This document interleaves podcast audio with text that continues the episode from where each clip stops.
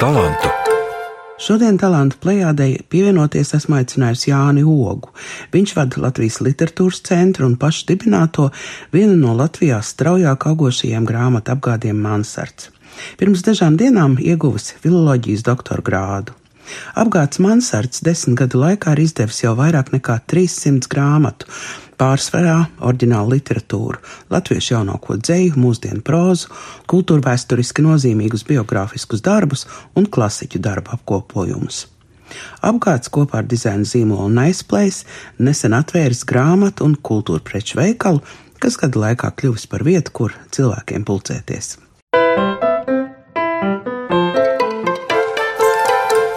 Mums ir svarīga arī tā kultūras pieejamība, jo cilvēki, kas strādā šajā nozarē, grāmatniecībā, saistībā ar literatūru, nu, parasti tā krīt un ceļas par to rakstīšanu, lai tas tiek nodrukāts, jā, bet tas vai to nu, kāds patērē un cik patērē, tas paliek tā otršķirīgi. Bet man liekas, ka jums visā tajā sistēmā arī ļoti svarīga tā cilvēku piedalīšanās, Jāni.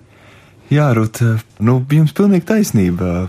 Bet tie divi amati ir radījuši to atbildības sajūtu par lasītāju, klausītāju, ka jūs esat sapratis, ka tur neaiziet viss, kas ir labi uztaisīts līdz tam adresātam.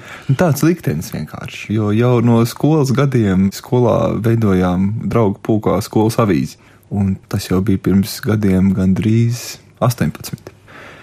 Cik tiem bija 10, 12 gadi? Ja? Nu, gandrīz, jā. Nu, jā. Jo tas gandarījums un tas izdevēja prieks man šķiet radās tieši tajā brīdī. Bet es par to neesmu domājis iepriekš. Tagad, eh, jums to sakot, man tas tā prātā, jo bija tā kā pa nakti, burtiski naktī tika sagatavota skolas avīze, nokopēta. 74. vidusskolas vadība mums laipni atļāva un nodrošināja pieeju savam to laiku vienīgajam kopētājam. Un no rīta, pirms pirmās stundas, bija pie skolas ieejas vestibilā galdiņš, kurā avīzes redaktors Jānis Soga tirgoja naktī, tā teikt, uzceptos pierādziņus. Un viss turpinās arī vēl tagad. Un viss turpinās. Un, un jums tā kompānija tagad palīgos ir lielāka vai mazāka, kā bija skolas laikā? Droši vien lielāka, bet eh, jā, man vienmēr ir bijis svarīgi gan satikt autorus, vai tie būtu rakstu autori avīzē, vai tie būtu rakstnieki, tulkotāji. Un pēc tam, kad grāmata jau ir gatava, satikt arī lasītāji. Tāpēc mēs cik vien iespējams Mansards piedalās dažādos grāmatu tirdziņos, izstādēs tepat Rīgā un Latvijā. Iespēja robežās arī bibliotēkās un neveltīt tas ir iemesls, kāpēc mēs izvēlējāmies izveidot gandrīz šo modernu runājot, atvērtā tipa biroju, proti, ka mansards, faktiski mansarda mītnes vieta ir veikalā. Nu, tad grāmatu darbs tas nav par jums, par Jāni Ogu. Jā, tradicionālais to... teiciens. Jā, ne? laikam gan, bet jūs, protams, bez tās. Komunikabls esat priekš tā stereotipa teiciena. Tie grāmatu darbi jau arī ir dažādi, un uh, ir, kad ir brīvie brīži un ir laiks lasīšanai, tad jau arī grāmatārps var ierauties krēslu stūrī un teikt, lieciet man mierā. Mm -hmm.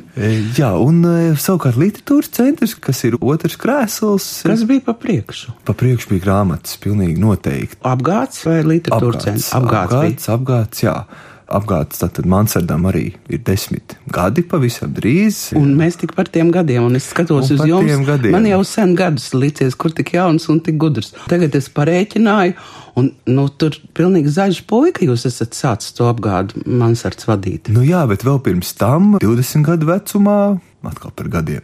Jā, mēs skaitīt esam sākuši. Jā, nonāca Atēnā. Man bija tas gods un prieks Atēnā gatavot latviešu autoru tātad oriģināla literatūras izdevumus.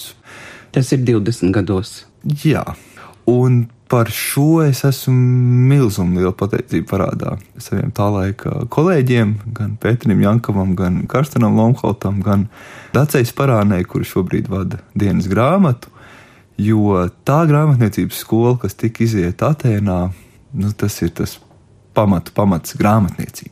Jānis Oga apgāda Mansards un literatūras centra vadītājs un Dats Parāna Freimana, izdevniecības dienas grāmata direktore un galvenā redaktore, turpina sadarboties un jau gadu grāmatu svētkus rīko Naisplēs Mansards jaunajās telpās, grāmatu un kultūra preču mājā, kas šonadēļ svin gada jubileju, jo atzīst, ka tās kļuvušas par zīmolu vietu mūsu kultūras kartē.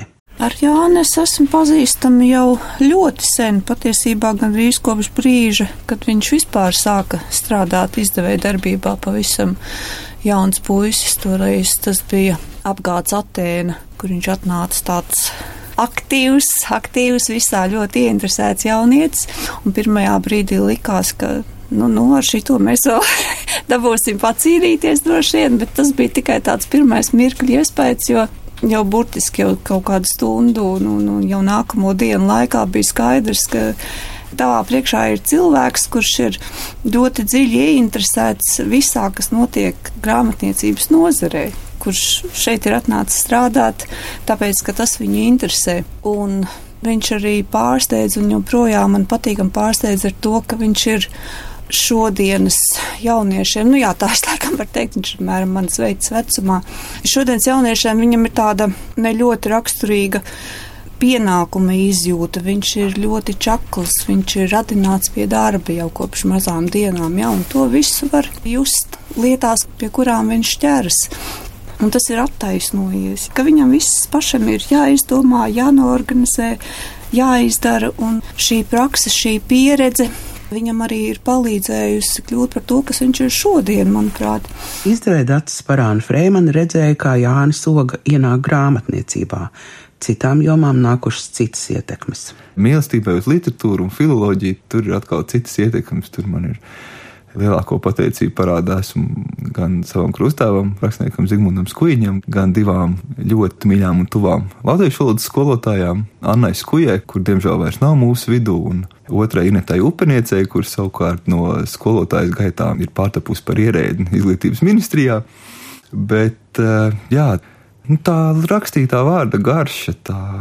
Bet ar... jau tik agri, un tad, kad tad sākāt pats mansardu vadīt? Cik tad, tad bija? Tad bija 22. Bija. Neticami, vispār pilnīgi neticami. Nē, tas nav nekas neticams, jo jau. Jau nu, minētais Zigmunds Kuiņš bija tāds brīdis, kad viņš man sveica dzimšanas dienās apmēram ar tā. Nu tad Austrijas kuģi jau ir zem zemes, vai arī ziemeļnieks jau ir prom. Tas, jā, viss ir no atskaites punktu. Nu, bet tikai nesen tas punkts ir sasniegts, ka tā var sacīt. Par Veidenbaumu nerunāsim. Nemaz. Par Veidenbaumu nerunāsim. Nu jā, bet kā tas veidojās, kad jūs bijāt tomēr tik jauns un tik zaļš un tas literatūras centrs, tas ir pavisam kaut kas jauns. Un kā jūs nonācāt tādā kompānijā kā Andris Grīnbergs, Liāna Langa, Nora Ikstena, Maima Grīnberga, Bankovski brāļi un vēl cilvēki un, un dibinātājos arī Vairvīķa Freiberga. Jā, tas bija ļoti, ļoti teiksim, liktenīgs, bet arī tajā brīdī negaidīts piedāvājums, ka 2006. gadā šī brīnišķīgā sabiedrība man lūdz uzņemties literatūras centra vadību, ar prieku to arī daru, un cik vien iespējams kopā ar faktiski draugu kopu, kurai gan pieder gan Lijāna Langa, no Rikstena, gan Maima Grīnberga un citi jūs minētie, mēģinam vest latviešu literatūru Un kāda ir tā doma? Un kāda ir tā doma? Literatūras centrs dibināts 2002. gadā lielā mērā pateicoties jau minēto personību aizrautībai un entuziasmam, jo tajā brīdī no vienas puses bija sagatavota vide un bija tas īstais brīdis, kad to dibināt, bet bija ļoti grūti to izdarīt formāli. Un Par laimi toreiz kultūras ministri bija Karina Petersone, ar kuras gādību tika gan atrasts šis veids, proti, tā ir biedrība, kas garantē zināmā mērā neatkarību un daudz brīvāku rīcību un plānošanu un, un, un iesaistīšanos dažādos ārzemju projektos, nekā tas būtu kādai valsts institūcijai, bet tajā pašā laikā nodrošinot to, ka ministrija reiz trīs gados, tad kultūras ministrija sludina konkursu par valstisku uzdevumu veikšanu literatūras popularizēšanas jomā. Un e, līdz šim literatūras centrs veiksmīgi ir šos uzdevumus pildījis, līdzīgi kā Latvijas mūzikas informācijas centrs pilda mūzikas ziņā, jaunā teātris institūts, teātris jomā un citi. Jo principā Eiropā tajā brīdī, 2002. gadā, Latvija bija pēdējā no trim Baltijas valstīm, kurā šāda institūcija nebija izveidota, jo jau kopš 98. gada pastāvēja Lietuvas organizācija, un gadu iepriekš, 2001. bija arī Igauni atvēruši savu. Līdz ar to jā, tā bija tā nepieciešamība, un lielā mērā pateicoties arī tam, ka dibinātāja vidū ir Maima Grīnberga, kura ir tik ļoti arī kopš vidusskolas un studiju gadiem nesusi somu un igauņu literatūras darbus latviešu lasītājiem, un viņai bija skaidrs, kā šādai organizācijai būtu jādarbojas, kas ir tās uzdevumi, ja, jo literatūras popularizēšana tas izklausās ļoti plaši, bet tās funkcijas faktiski ir ļoti precīzas. Tas ir nodrošināt atbalsta iespējas un informācijas izplatību ārzemju apgādiem, aģentiem, lasītājiem, latviešu literatūras tulkotājiem un visiem profesionāļiem. Galvenokārt profesionāļiem, kuri jebkādā veidā var būt saistīti ar to, lai ārzemēs iznāktu pēc iespējas vairāk latviešu autoru darbu. Un tam pakārtoti tad jau ir stipendiju programmas, latviešu autoru dalība starptautiskos festivālos, grāmatu atvēršanās, turnejās, līdz pat tādiem grandioziem pasākumiem kā Latvijas viesu valsts Gēteborgas grāmatu gada tirgu, kas notika 2008. gadā, un gaidāmais ar nepacietību, bet arī ar, ar milzu darbu gaidāmā Baltijas valsts dalība Londonas grāmatu gada tirgu 2018. Un par laimi, vai nu, visticamāk, ka par laimi šī situācija ir, ka daudzās Eiropas valstīs, faktiski vislielākajā vairumā, šī situācija ir ļoti līdzīga, ka tās organizācijas, kuras ar to nodarbojas, ir izmērā nelielas. Un mēs visi esam draugi. Piemēram, šajā dienās, kad mēs runājam, te radio Rīgā viesojas 18 eh, pārstāvi no dažādām Eiropas valstīm, un mēs kopā izstrādājam kārtējo projektu literatūras izplatībai un popularizēšanai Eiropā. Līdz ar to mēs strādājam arī kā komanda, tāpēc eh, katrā ziņā Mēs esam priecīgi par to, ka mēs varam jebkurā brīdī piezvanīt gan Lietuvas, Igaunijas kolēģiem vai, vai uzrakstīt e-pastu citiem tā saucamo mazo valodu valstu pārstāvjiem, kādi ir poļi, arī katalāņi, kurus mēs pēdējā laikā daudz sekojam līdz viņu neatkarības centienos. Un katrā ziņā daudzās jomās viņi mums ir priekšā, gan finansiāli, gan arī iztoto un tulkoto grāmatu skaita ziņā, bet Mēs vienmēr esam priecīgi arī no tiem mācīties. Šogad Jāņa Ogas atklājums rakstnieka Jāņa Joņeva pirmais romāns Jelgava 94 ieguva Eiropas Savienības literatūras balvu. Tā kalpo par atzinību labākajiem jaunajiem autoriem mūsu kontinentā. Mēs varētu teikt, ka no Jāņa Ogas es saņēmu varbūt vienu no sava mūža svarīgākajām vēstulēm, kas bija pirmo reizi tāda cilvēka no malas vai ietekmīga cilvēka no malas vērtējums par manu grāmatu. Tad, nu, varētu teikt, ka viņš ar tādu vieglu, mazā pirksta kustību mainīja mazliet manu likteni, iecēla mani saulītēm. Tādas ir pirmās atmiņas par viņu. Viņš teica, ka publicēs manu grāmatu. Tas notika 12. gada rudenī. Jā, šķiet, tas bija tad. Un jā, un izdarīja viņš to ļoti nepiespiesti. Nu, man viņš šķiet tā iemiesojam šīs te kaut kādas humanitārās pasaules līdera spējas, kurš visu paveic tā nepiespiesti un ar vieglumu un tā pārstāvīja to spožo, bet neāršķīgo pasauli. Nu, viņš ir tāds mazliet, var atstāt tādu salonu tipu cilvēku iespaidu.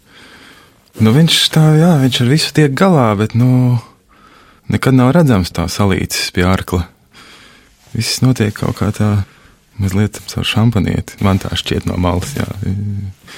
Viss tiek padarīts ar tādu prieka sajūtu. Šķiet. Nu, es jau, protams, tāls esmu no šīm visām praktiskajām lietām. Es tikai zinu, ka viņš ar to tiek galā. Nu, vienmēr ir labas eh, viņa dzimšanas dienas balvas, protams. Viss jaunā grāmatnīca ir eh, patīkami uzturēties. Jā. Nu, ko vēl es nezinu, mēs jau neesam tādi ļoti seni draugi. Nu, jums tā bija pirmā grāmata un pirmais mēģinājums tikt Jā, jā, jā, jā, tas viss. Pirmais uzrakstītais un pirmais tātad. Jā, man izpalika kaut kā tās klasiskā staigāšana, klauvējot pie izdevniecību durvīm. Tā Jānis pastiepa vienkārši roku un kārtībā. Jāņa Joņēva apgādā Mansards izdotais romāns Jēlgava 94 saņēmis arī balvu spilgtākā debija par daudz sološāko pieteikumu Latvijas rakstniecībā, grāmatnīcas tīkla Jānis Rozes pēcbalvu pirktākais Latvijas literatūras gada balvai nominētais darbs, kā arī portāla Delfi lasītājs pēcbalvu. Jānis Oga, būdams ne tikai grāmatu izdevējs, bet arī literatūras zinātnieks, varbūt gandarīts par savu atradumu un izvēli. Un tagad jūs šajās dienās esat aizstāvējis doktora disertāciju par tēmu literārais tulkojums Latvijas un Eiropas kultūras identitātes veidošanā, radošo industriju aspektu. Apsveicu ar doktora grādu iegūšanu. Paldies! Un kas tad jūs esat pamatā, praktiķis vai teorētiķis Jānis Oga? Jūs tik daudz rosāties praktiski, gan aizplēs mansards, gan grāmatu jomā. Tas jautājums rodas, jā pamatā jau praktiķis tomēr, lai gan teorija arī noder un īpaši šajā jomā. Tās nemaz nav tik daudz, bet to der lieta zināt un izmantot. Jo, lai gan disertācijas aizsāvēju salīdzināmās literatūras zinātnes kategorijā, bet tas ir starpdisciplinārs pētījums, kur liela nozīme ir arī kultūras menedžmentam, nevēl tās radošās industrijas uz to Kas norāda. Tad ir šajā disertācijā tāds, ko mēs Latvijā varētu tagad likt lietā. Pavisam īsi tas ir apkopojums gan par šo tradīciju Eiropā, ko tulko, kā tulko, kāpēc tulko un kādu iespaidu tas dod gan Latvijai, ņemot vērā visu to, kas ir tulkots jau kopš 19. gadsimta līdz pat mūsdienām, sākot ar uh, grāfu Lielmārtu Genovefu līdz pat uh, mūsdienu skandināvu literatūrai, un savukārt no otras puses kādu stāstu par sevi, latviešu stāstu, popularizējot latviešu literatūru ārzemēs. Un visbeidzot, kāpēc tas ir jādara un kādu ietekmi tas dod.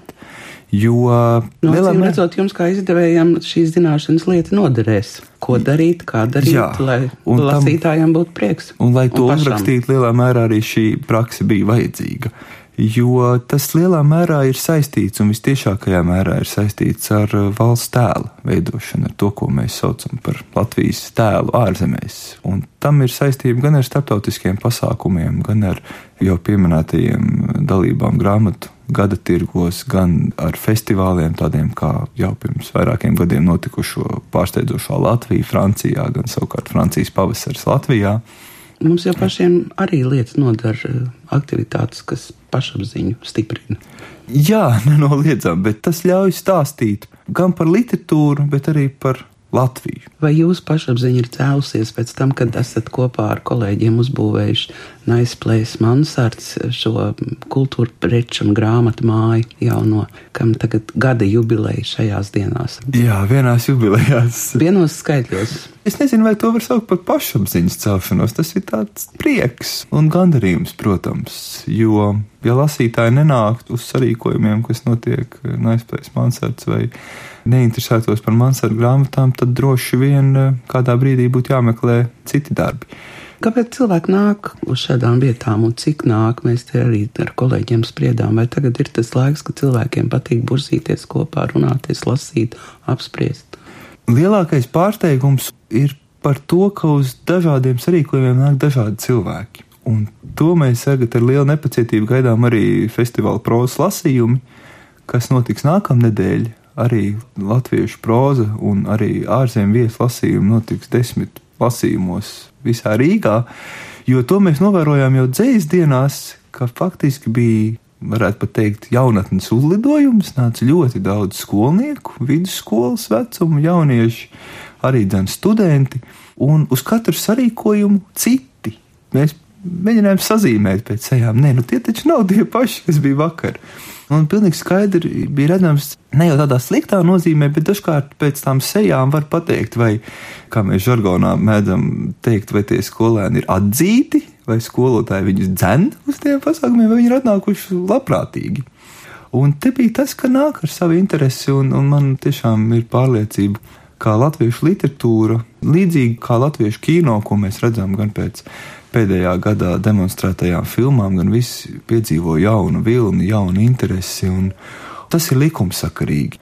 Jo vienā mirklī tai, nu, arī komercializācijai vai masu kultūrai, kā nu mēs to visu sauktu, ir nu, vienā brīdī vienkārši pietiek un gribas kaut ko pavisam savu, kaut ko nelielu, kaut ko intīmu, un varbūt arī ārpus tā, ko var tik viegli atrast internetā vai televīzijā vai kinoteātrī, bet, bet gribas atnākt un ieraudzīt to dzīvo cilvēku, kas sēž priekšā un stāv un, un lasa. Jā, Soga, ko jums gribas tādu, ko grib arī jūsu grāmatu pircēji, lasītāji? Kas ir tas jaunais, ko jūs esat sapratis, kas jums ir jāizdara pavisam tuvākajā laikā? Jāizdod, jāsarīko, jūs tagad rīkojat grāmatniecību uz ekrāna filmu vakarus, gandrīz katru trešdienu. Jā, nu, filmu vakar noteikti ir viena no tām lietām, bet kas arī radās pilnīgi nejauši apzinoties to, cik daudz dokumentālo un mākslas filmu ir veltīts latviešu rakstniekiem un grāmatniecībai, un kāpēc tās nepaskatīties visiem kopā. Un par pašām grāmatām. Grāmatu ir milzīgi daudz, un Mansardam ir garums garais saraksts ar grāmatām, kuras kaut kādā, nu, kā jebkuram apgādam. Būs vairāk par 30 šogad nosaukums. Būs 40. Bet 40 ir jau, jau kādus pēdējos divus, trīs gadus. Es lasu tā kā ap 30 apmēram, tā izskatās. Tam varbūt nav tik izšķiroša nozīme, jo ir jau prieks par katru grāmatu, bet ne par tām īpašajām, kur ir skaidrs, ka, nu, ka varbūt šis ir īstais brīdis un dažreiz varbūt pat pēdējais brīdis, kad kaut ko tādu ir iespējams izdarīt. Piemēram, vienā, nu, zināmā mērā to varētu teikt par Jāņa Medeņa darbu kopojumu sākšanu, ko mēs sākām šogad. Un, par ko es arī dzen, esmu saviļņots, ka tas notiek gan kopā ar literatūras zinātnieku Andreju Grāpi, kurš ir šīs ieceres autors, gan Jāņa Medeņa bērniem, Maiju Poišu un Vidvudu Medeni. Un pēdējais brīdis varbūt tāpēc, ka, protams, pasaule mainās un kopoti raksti vai raksti kā tādi Nu, nav šo parādību. Ir aizējoša parādība. Droši vien, jā. Pat ļoti, ļoti progresīvie igauņi, mēs viņiem uzdevu šo jautājumu pirms kādu laiku. Viņi teica, nē, pēdējā laikā nekas tāds nav iznācis, mēs ar to vairs nenodarbojamies. Savukārt, igauņiem ir kaut kas pilnīgi cits. Igauņiem iznāk un ir ļoti populārs, pamatīgos, cietos vākos iesietas, numurētas pasaules literatūras klasikas sērijas, kas mums, piemēram, nav. Mums nav vēl, jā. Un līdz ar to pie tādiem zināmām aizejošām parādībām ir arī Zigmunds Huīņa raksts desmit sējumos, par ko mēs esam priecīgi, ka ar to Mansards eh, savu darbību sāka, un, un septiņu gadu laikā arī šie desmit sējumi iznāca. Bet dažādu iemeslu pēc šodien to būtu izdarīt droši vien daudz sarežģītāk. Izdevējiem Jānim Ogam ir kopēja projekta ar izdevēja Dats Parāna Freimani no dienas grāmatas un kopēja izpratni par darāmo darbu. Jebkur dzīves joma balstās uz tādiem trim lieliem vaļiem - interese, izpratne un zināšanas. Nu, pārsvarā cilvēkiem, kas profesionāli strādā, parasti nu, vai nu ir divi šie vaļi, vai tikai viens, nu kā nu kurš, bet Jānim ir viss trīs. Un viņš ļoti apzināti visu ir teikt, attīstījis ar vienu priekšu, gan šo interesi par literatūru un grāmatniecību, par visiem procesiem, kas viņos notiek, kas viņus izraisa. Un viņš arī tajā pašā laikā visu to izprot. Jo ir jāmīl tā pasaule, kurā tu gribi ieiet. Tev ir pirmkārt jāizturas pret viņu labvēlīgi nu, ka tev viņa patīk, ka tu viņu gribi pieņemt. Un tad arī viņi tev atveras un tu redzi, ko tu vari palīdzēt un ko tu vari izdarīt. Nu, jā, tāpēc, manuprāt, arī literatūras centrs, kopš viņš ieguva Jāni kā vadītāju, ir uzplaucis un izaudzis par to, kas šis centrs ir šodien Latvijai. Būtībā ļoti nozīmīga organizācija. Patiesībā lielā mērā tas ir tieši Jāņa nopelns. Viņš izvēlas kvalitatīvus darbus vai tā būtu izklaide žanra literatūra, vai tā būtu nopietnā literatūra. Izvēlas, lai šis darbs atbilstu nepieciešamajiem kvalitātes rāmiem, un tas arī ir, kas viņu raksturo. Dienas grāmata un mansards. Dienas grāmatā ir, Vai būtībā tu... mums ir ļoti līdzīgs pieejams gan literatūras atlasē, gan darbības principos. Teiksim, tā no ārpuses varētu likties, ka mēs esam diezgan nežēlīgi konkurenti. Bet eh, patiesībā, jā, Jānis un apgāds Mansards ir labi draugi visādos veidos. Es pilnībā atbalstu to, ko viņš dara, un viņš pilnībā atbalsta to, ko es daru. Un tepat laikā tas nekad mums nav traucējis izteikt otram aizrādījumus, kritiku par to, ko redz, ka otrs dara nepareizi, jo tā jau arī draugi rīkojas tikai. Nu, Tikai tā ir iespējams uzzināt, kur tu kļūdies, un tad nepieļaut tos kļūdas pēc tam vēlreiz. Un kas ir jāizdara rīt? Jā, Soga noteikti to zina, Mansardam. Kas jāizdara ir tā rītdienas rīt? grāmata vai tikai elektroniskā? Nē, noteikti nē. Lai gan e, man patīk elektroniskās grāmatas, es pats lasu elektroniski, tiesa gan pamatā manuskriptus, bet e, arī dzēnu grāmatas svešvalodās, kuras varbūt netik viegli ir gan pieejamas Latvijā, gan arī pietiekami dārgi maksā pasūtīt pastu. Bet, protams, es domāju, gan drukātā, gan elektroniskā grāmata pastāvēs līdzās. Bet tā rītdienas grāmata ir jaunie latviešu rakstnieki, bet ne tikai jaunie, arī visdažādāko pauģu rakstnieku jauni darbi. Jo, manuprāt, ka Nu, tas ir arī likumsakarīgi, protams, bet uh, ilgu laiku latviešu rakstnieki ir bijuši spiesti meklēt citas nodarbošanās, lai vienkārši nopelnītu sev iztiku. Izdevējs to jūt, jā. Izdevējs to jūt, jo darbi ir, protams, mazāk, bet uh, tāpēc. Nu, toties mums ir Vilis Lācītis. Mums ir Vilis Lācītis, mums ir Jānis Joņevs, mums ir Kristīna Šelva un citi, kuru grāmatas, es ticu, ir mainījušas arī dzēnu lasītāju skatu uz latviešu literatūru pēdējo gadu laikā.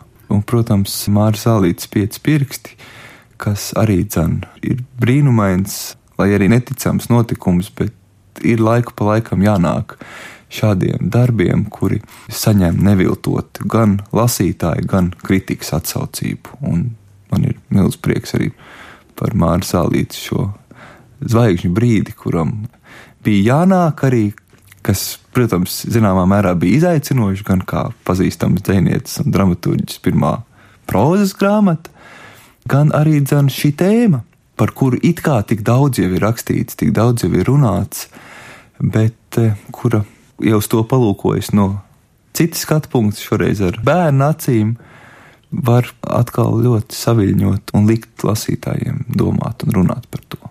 Jā, un Zog, no cik gadiem jūs pats lasāt, atceraties? No pieciem, cik man ir stāstīts. Un Bet... pirms tam droši vien, ka jums stāstīja citiem. Jā. Vakar pasakas, laikam, jums nav trūcis un citu stāstu. Jā, mamma un, un vecmāmiņa par to rūpējās, jo grāmata mājās nekad, nekad nav trūcis, un gan senāk izdod, gan jaunāk līdz ar to tajā latviešu literatūras un grāmatniecības vilnī kaut kā visu laiku esmu peldējis, teiksim tā. Un laikam jūs tēva rakstnieku savienības daktera mājā rakstnieku arī nav trūcis. Rakstnieku mazāk, jā, tieši mājās, bet arvien ir nācies sastapt. Un, protams, pateicoties arī Zigmundam Skuiņam, nu, rakstnieki vienmēr ir bijuši tādi reāli, blakus esoši cilvēki, nevis kaut kur tālumā mītoši. Tā laikam ir, ja sāk no bērna kājas, tad tas turpinās? Eh, es tā ceru, jā. Vismaz arī jums tā ir noticis, vai ne? Tā kā jūs esat no tiem, kas nemaz citu neko nezina. Es tā neteiktu, jo savulaik arī esmu strādājis reklāmas aģentūrā, Arī, arī pirkstu veiklība dažreiz kādu grafisku darbiņu izdarīt vai grāmatu vāku izveidot. Tas arī katrā ziņā zinu, kā tas notiek, un varu nepieciešams gadījumā arī pats izdarīt. Un tas palīdz arī būt iekšā tajā izdošanas procesā no viena gala līdz otram. Bet patikt jums tas patīk? Jā. Nākamais gads būs smags. Daudz darba esat sev saplānojis un kolēģiem. Darba ir, ir brīnum daudz un, un ļoti, ļoti jauki, jo gan Latvijas prezidentūra Eiropas Savienībā, kur noteikti ir sarīkojumi arī literatūrai veltīti, gan, eh, gan Raņu un Aspazīs 150 gadi.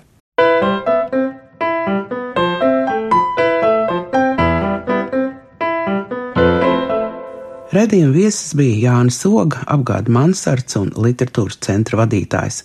Viņš atgādināja, ka līdz nākamā gada marta beigām ik trešdien esam gaidīti grāmatu un kultūra preču mājā Naisplēs Mansards, Krišjāņa baronielā, skatīties filmas par rakstniekiem un rakstniecību. Paturēt šo faktu prātā aicinām arī mēs, raidījuma veidotāji, Valdis Raitums un Ruta Rikše.